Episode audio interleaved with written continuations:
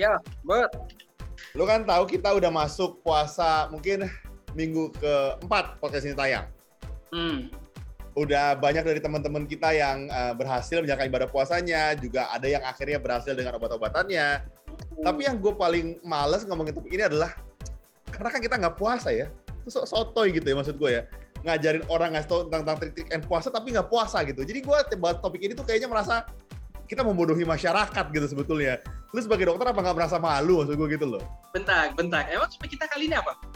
Topik kita kali ini adalah obat-obatan untuk teman-teman yang akan mudik setelah puasa.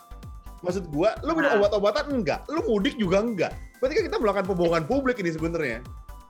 Jangan salah, gue mudik. Mudik ke mana lu? Di Cipayung. berarti itu juga. benar. Lu berarti setiap setiap hari kan mudik sebetulnya kan, seminggu sekali lah paling kalau mudik kan. emang tapi ya by the way, emang orang perlu obat-obatan kalau mudik? Paling tolak angin gitu-gitu doang kan? Nah, Obat-obatan apa? jadi Hmm. sebenarnya Put ya, sebenarnya topik kita kali ini tuh sebenarnya nggak menyangkut hanya untuk orang-orang yang mudik aja, tapi semua orang akan melakukan perjalanan. Hmm. Nah, ada baiknya mereka harus mempersiapkan selain oleh-oleh, baju kotor, Ya, ya. baju bersih, ya, baju salin, baju ganti, snack. Nah, mereka juga menyiapkan obat-obatan yang mungkin diperlukan untuk perjalanan. Gitu. Karena kita nggak pernah tahu gitu. Bisa aja lu lagi dalam kondisi eh, misalnya, terutama kalau mudik ya di daerah yang misalnya lagi sepi, di daerah-daerah eh, pinggiran kota, daerah hutan, di mana obatan yang emergency, ya, nggak emergency, itu Ya. dibutuhkan segera gitu ya, urgent. Ya. Urgency itu susah gitu. Ya. Nah. Ah, nah, terus terus Nah, buat nah tapi sebelum gue mulai, gue pengen tahu dulu nih. Lu Hmm. sendiri kalau ke mana-mana suka bawa obat gak? Nah, Oh gua. Selain obat, selain obat, selain obat kuat ya maksud gue ya. yang yang ujungnya nggak dipakai juga gitu, gue tahu gitu. Eh, oh iya karena kan nggak mungkin. Gua kan turun on fire, turun on fire. Kalau kira buat kuat gitu-gitu mah nggak mungkin pasti. gua gua ya, gua setiap ke mana-mana tentu saja tidak pernah bawa obat. Tidak perlu buat gua. Yang perlu tuh adalah ban serep, surat-surat, dan semua. Yang obat-obat gua nggak pernah bawa gitu-gitu. Iya dong. Gila. Ber- Berarti ini, ini tipikal yang laki banget. Yo, ya yo, dong, ya kan? yo, yo, otomotif, otomotif ya gitu Yo, kan. yo, yo. Nah, boneka kelinci lu bawa nggak? Ah itu gua bawa juga. itu gua nggak bilang tadi. Oke. Nah, Bud, biasanya ya obat-obatan yang paling utama nih mesti dibawa nih. Tapi untuk episode kali ini, gue akan menyebutkan kandungan obatnya. Oke. Ah, jadi atau bisa dibilang juga nama generiknya gitu. Karena kalau misalnya gue nyebutin Mereknya. eh, nama obat atau mereknya gitu, pertama kita nggak di endorse, kita nggak dibayar rugi gitu. Berugi, nggak boleh. Itu setuju gua. Nggak bisa itu. Nggak ada itu. Yang kedua, kesusahan dari merek paten adalah kadang-kadang bikin mindset orang dia harus membeli obat itu. Padahal yang dibutuhkan adalah kandungan sejenis yang nama merek itu sebenarnya beraneka ragam. I see. Oke, oke. Make sense. Gitu. Apa ya? Obat Hmm. yang pertama yang gue saranin ya, Bud. Nomor satu pertama itu biasanya adalah obat-obatan penghilang nyeri. Ya, Penghilang nyeri. Yep. Oke. jadi kita nggak pernah tahu ya, Bud ya. Pada saat di perjalanan bisa aja cuman rasa nggak nyaman kayak macam sakit kepala atau misalnya amit-amit nih ternyata terjadi eh, musibah kaki terbentur jatuh atau melukai rasa penghilang nyeri itu penghilang nyeri itu paling penting sebenarnya nomor satu I see. gitu. Nah, yang gue saranin sebenarnya adalah yang paling aman adalah paracetamol. Hmm. paracetamol karena pertama dia aman untuk lambung. Kita Ya. tahu nih obat-obatan penghilang nyeri itu kadang-kadang supaya efek sampingnya adalah bikin kumat sakit mah, Hmm. sakit gastritis nih kumat. Nah itu disarankan menggunakan paracetamol. Dan juga dia aman untuk anak-anak nih. Gitu. Nah terus yang kedua kalau gue biasanya ada tambahan lagi ada obat pereda nyeri yang lebih kuat. Nah ini in case misalnya terjadi sesuatu ya itu tadi misalnya eh, amit-amit ya tapi seperti kecelakaan tapi yang ringan yang nggak mesti sampai dibawa ke rumah sakit atau ke klinik nah di situ bisa menggunakan nyerinya itu kita bisa menggunakan biasanya golongan NSAID nah contohnya seperti asam methenamate atau natrium diclofenac Hmm. Gitu ya kemarin kita juga udah sempat bahas sih obat-obatan yang mau dipakai untuk eh, saluran pernapasan infeksi Hmm. saluran pernapasan obat pilek Ya, obat ya. batuk itu juga sebenarnya uh, apalagi zaman sekarang ya, di mana batuk itu lebih sensitif daripada Iya, iya, iya, iya, iya. betul, betul. Nah, jadi uh, obat-obatan pilek dan obat-obatan batuk uh, itu sebenarnya juga harusnya ada nih di dalam persiapan kita. Cuman hmm. precaution satu, Bu. Hmm. Kita bahas sebelumnya kalau obat pilek itu bisa bikin ngantuk. Hmm. Nah, jadi uh, hati-hati aja. Jadi kalau misalnya ternyata yang mau mengkonsumsi itu adalah pengendara sepeda motor yang menyetir.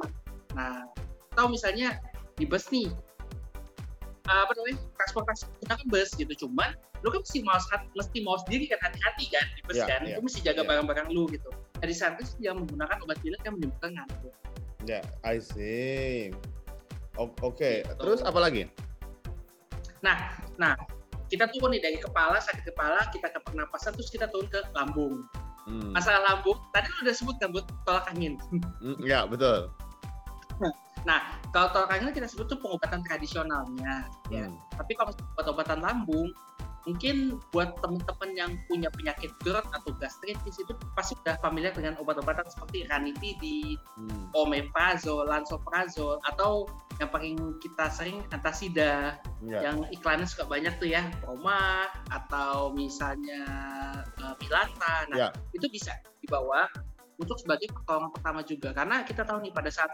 perjalanan tuh biasanya kita mungkin makannya nggak teratur hmm. makannya sembarangan ya hmm. terus abis itu cenderung lebih gampang untuk dalam tanda kutip masuk angin I see, ya ya ya ya, make sense. Terus dari lambung? Dari lambung, ya nih. Hmm. nah, ini juga sebenarnya salah satu buat obat yang kenapa mesti lengkap nih. Di perjalanan, toilet nggak selalu ada, ya yeah, kan? Yeah. Tiba-tiba masalahnya itu gitu. Yeah susah. Jadi misalkan sih obat diare juga harus ada. Lalu obat tambahan lainnya misalnya seperti anti uh, anti mabuk, anti mabuk hmm. perjalanan. Hmm. Nah, cuman sekali lagi hati-hati. Semua obat anti mabuk perjalanan itu biasanya bikin ngantuk. I see. Uh, Oke. Okay. Terus selain itu untuk kaki apa untuk kaki? Uh, celana bud biasanya. Jangan sampai ketinggalan. Maksud gua gini loh, lu ngasih dari kepala, leher, lambung, lu nggak tahu buat kaki. Bah, gue kasih tau ya. Lu harus bawa obat sakit kepala, obat untuk sakit leher, sakit lambung. Lu mesti bawa obat nyamuk untuk kaki. Karena kaki lu bisa gigitin nyamuk kalau lagi naik angkot. Lu, gue kasih makanya teman-teman gue bilang. Dokter Adriani, gue merasa dia nih nggak terlalu pintar sepintar gue. Dia ngasih info tuh nggak komprehensif gitu loh. Iya dong. Lo obat nyamuk kalau Iya. Betul betul betul. Gue akuin, gue akuin. Obat nyamuk gak kepikiran di kepala gue gitu. Ah. Karena pas lu bilang kaki tuh kebayang di kepala gue dan lu akan yakinin salep kutu air gitu. Tapi ya udahlah gitu. Ternyata otak sih lebih tinggi dikit gitu. Jadi oke okay, oke, okay, nggak masalah. ya, gue gua mau mention khusus soal obat anti mabuk perjalanan. Maksud gue kalau hmm. obat mah kita udah sering lah. Uh, obat batuk gitu ya, sakit kepala hmm. gitu-gitu, demam sering hmm. obat um, mabuk. Gue penasaran, kenapa sih orang itu mabuk perjalanan dan sebetulnya obat anti mabuk itu apa sih isinya gitu? Yang membedakan dari obat-obat lainnya gitu pertanyaan gue. Yang pasti ya buat obat anti mabuk isinya bukan anti alkohol ya. Iya, obat. Gue bisa dulu gitu, karena karena gue gue takut yang muka lu tuh kayak gitu gitu kan. gue gue gak ada gue gak nyangka ini. Oke, okay, terus terus. Jadi buat uh, keseimbangan tubuh kita itu kan dikontrol oleh otak dan telinga bagian dalam. Ya. Ya kan? Nah, kadang-kadang tuh ada orang sensitif terhadap pergerakan atau motion. Jadi kalau misalnya pergerakan misalnya ada di dalam mobil yang berjalan, kita bergerak maju kan, walaupun kita nggak merasakan itu, tapi kita tuh bergerak maju gitu. Nah, sensor di dalam kepala kita tuh terganggu, tidak terbiasa dari itu, maka menyebabkan mabuk darat. Atau oh, pada saat laut nih, pada saat di laut, laut juga kan sering banget ya, karena gitu, dia ya uh, laut itu kan nggak nggak statis jalan terus seperti mobil tapi naik turun yeah. naik turun bawah um. Nah itu akan menyebabkan sensor di keseimbangan di kepala dan telinga kita itu terganggu I see itu bisa menyebabkan jadi mabuk darah Oh, lu lumayan pinter juga ya. Gue pikir lu nggak tahu jawabannya. Tadi gue udah menjebak. Ternyata lu tahu jawabannya. Jadi ya, oke okay lah. Sekalipun gue juga tahu ini sebenarnya. Ta tapi yang pertanyaan gue gini, nggak, kenapa? Kan udah di kan udah di cut. Oh iya. iya. Mulai gitu ya, tapi gue baca dulu kan. ya, gue mau nanya sama lu. Uh, ini gue tahu mitos atau tidak ya. Tapi orang yang jarang keluar, misalnya orang hidupnya di desa kayak kayak gue punya nenek kan masih dari uh, Semarang gitu di pedalaman di kampung. Nah dia kalau naik mungkin naik mobil yang lama dia mabuk laut gitu atau mabuk perjalanan. Apakah orang yang sering melakukan perjalanan mabuknya akan hilang? Karena Bisa. badannya berasumsi kan, oh gue udah normal nih, jadi sifatnya itu tidak Iya. tidak menetap gitu.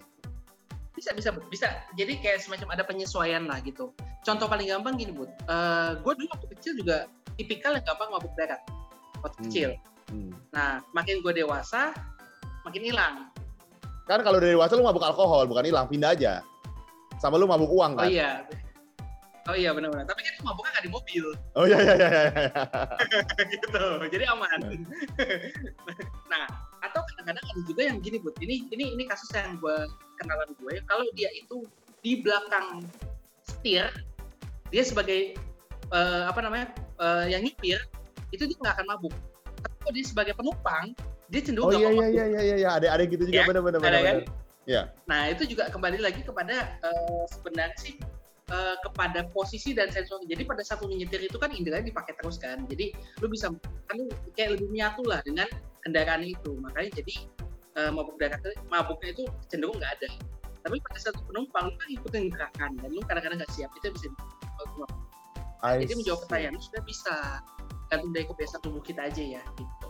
I see. Jadi sebenarnya misalnya orang nih eh, mabuk alkohol, berarti kan dia kurang minum alkohol ya.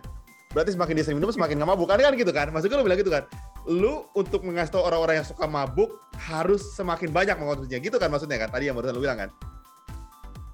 Baru tadi gue bici pintar. Begini lagi kan capek gue ngejelasinnya. Jadi jadi a- apa namanya? Ya ta- tapi em, me- mekanisme dari obat anti mabuk itu untuk mengurangi mem- memberikan apa eh, gua nggak ngerti ya mekanisme obat anti mabuk itu bikin kita punya syaraf lebih rileks atau apa sih mekanismenya sebetulnya? dia dia dia ada beberapa mekanisme sih buat jadi Hmm, intinya sih memang dia me- apa namanya menyelaraskan lah ibaratnya uh, fungsi keseimbangan di kepala kita gitu dan memang efek sampingnya juga bikin ngantuk dan itu bikin kita jadi lebih tenang kan pada Oh saat iya iya pas iya. misalnya iya. ternyata orangnya tidur jadi jadi nggak kita mabuk lagi I gitu. see. sebenarnya ada efek itunya juga Betul betul. Jadi eh, teman-teman kita tahu bahwa bentar lagi teman-teman banyak kita tahu pemerintah sudah tidak melarang lagi orang untuk mudik karena udah dua tahun ya. Maksudnya nggak ada penyekatan, bisa ketemu keluarga di rumah, tapi pastikan em, persiapannya matang gitu. Tentunya jangan sampai bawa Iya. virus dari kota besar yang pertama, yang kedua juga betul. jangan sampai kalian di jalan malah nggak nyampe ke rumah eh, keluarga karena masa di jalan. Jadi semuanya harus butuh persiapan matang sebetulnya dan baik Betul. lagi kita mau bilang bahwa buat teman-teman yang butuh konsultasi gratis nanti kita akan taruh di sini. Mungkin kan butuh obat apa, nah, kita masih akan usahain nanti tenang aja. Kalau nanti muncul episode ini ada nomornya berarti itu bisa kalian bisa hubungi setiap saat setiap hari. Dia kosong kok. Dia kan nggak nggak kerjanya nggak serius banget sebenarnya. Dia kan dia kan pura-pura sibuk doang gitu. Kali kali ini ladang utama dia sebenarnya. Jadi jadi nanti gue akan kasih lah di situ.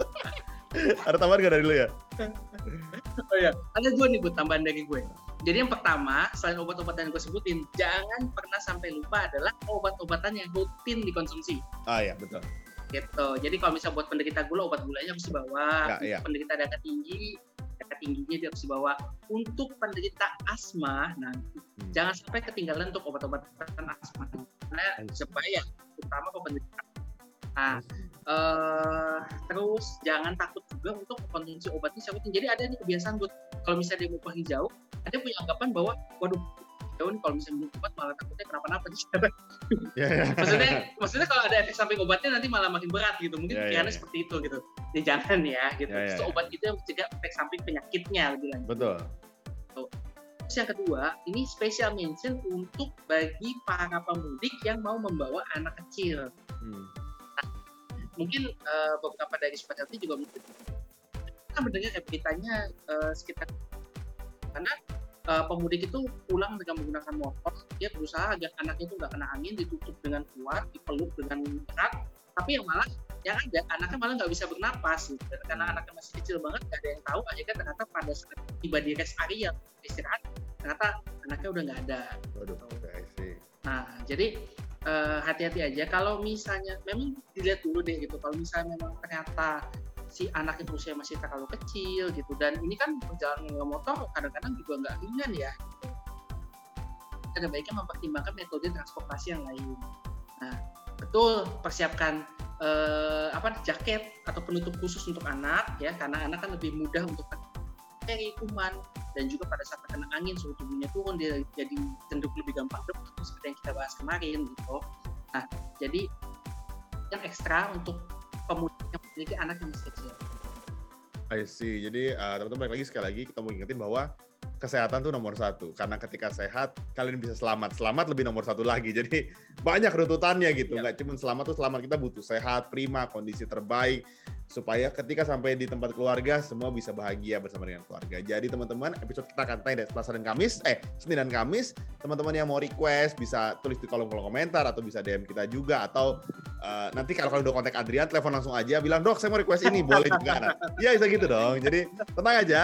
Nanti uh, Kalau kita- bisa tengah malam, kalau bisa jam 1, jam 2 gitu loh. soal soalnya gini teman-teman Adrian pasti tengah malam galau kan istrinya nggak boleh dia tidur di kamar. Dia nggak bisa juga melakukan hal yang seharusnya. Dia galau makanya. Daripada dia nonton bokep kan mendingan teman-teman kontak ngobrol-ngobrol lah gitu. Maksudnya itu kan maksudnya gitu kan. Nggak apa gue sampaikan sebenarnya artinya jadi Buat, buat selesai rekaman kita ketemuan ribet yuk. jadi sampai sini aja teman-teman. Sampai ketemu di episode selanjutnya. Saya healthy. And stay alive. bye bye, Bye.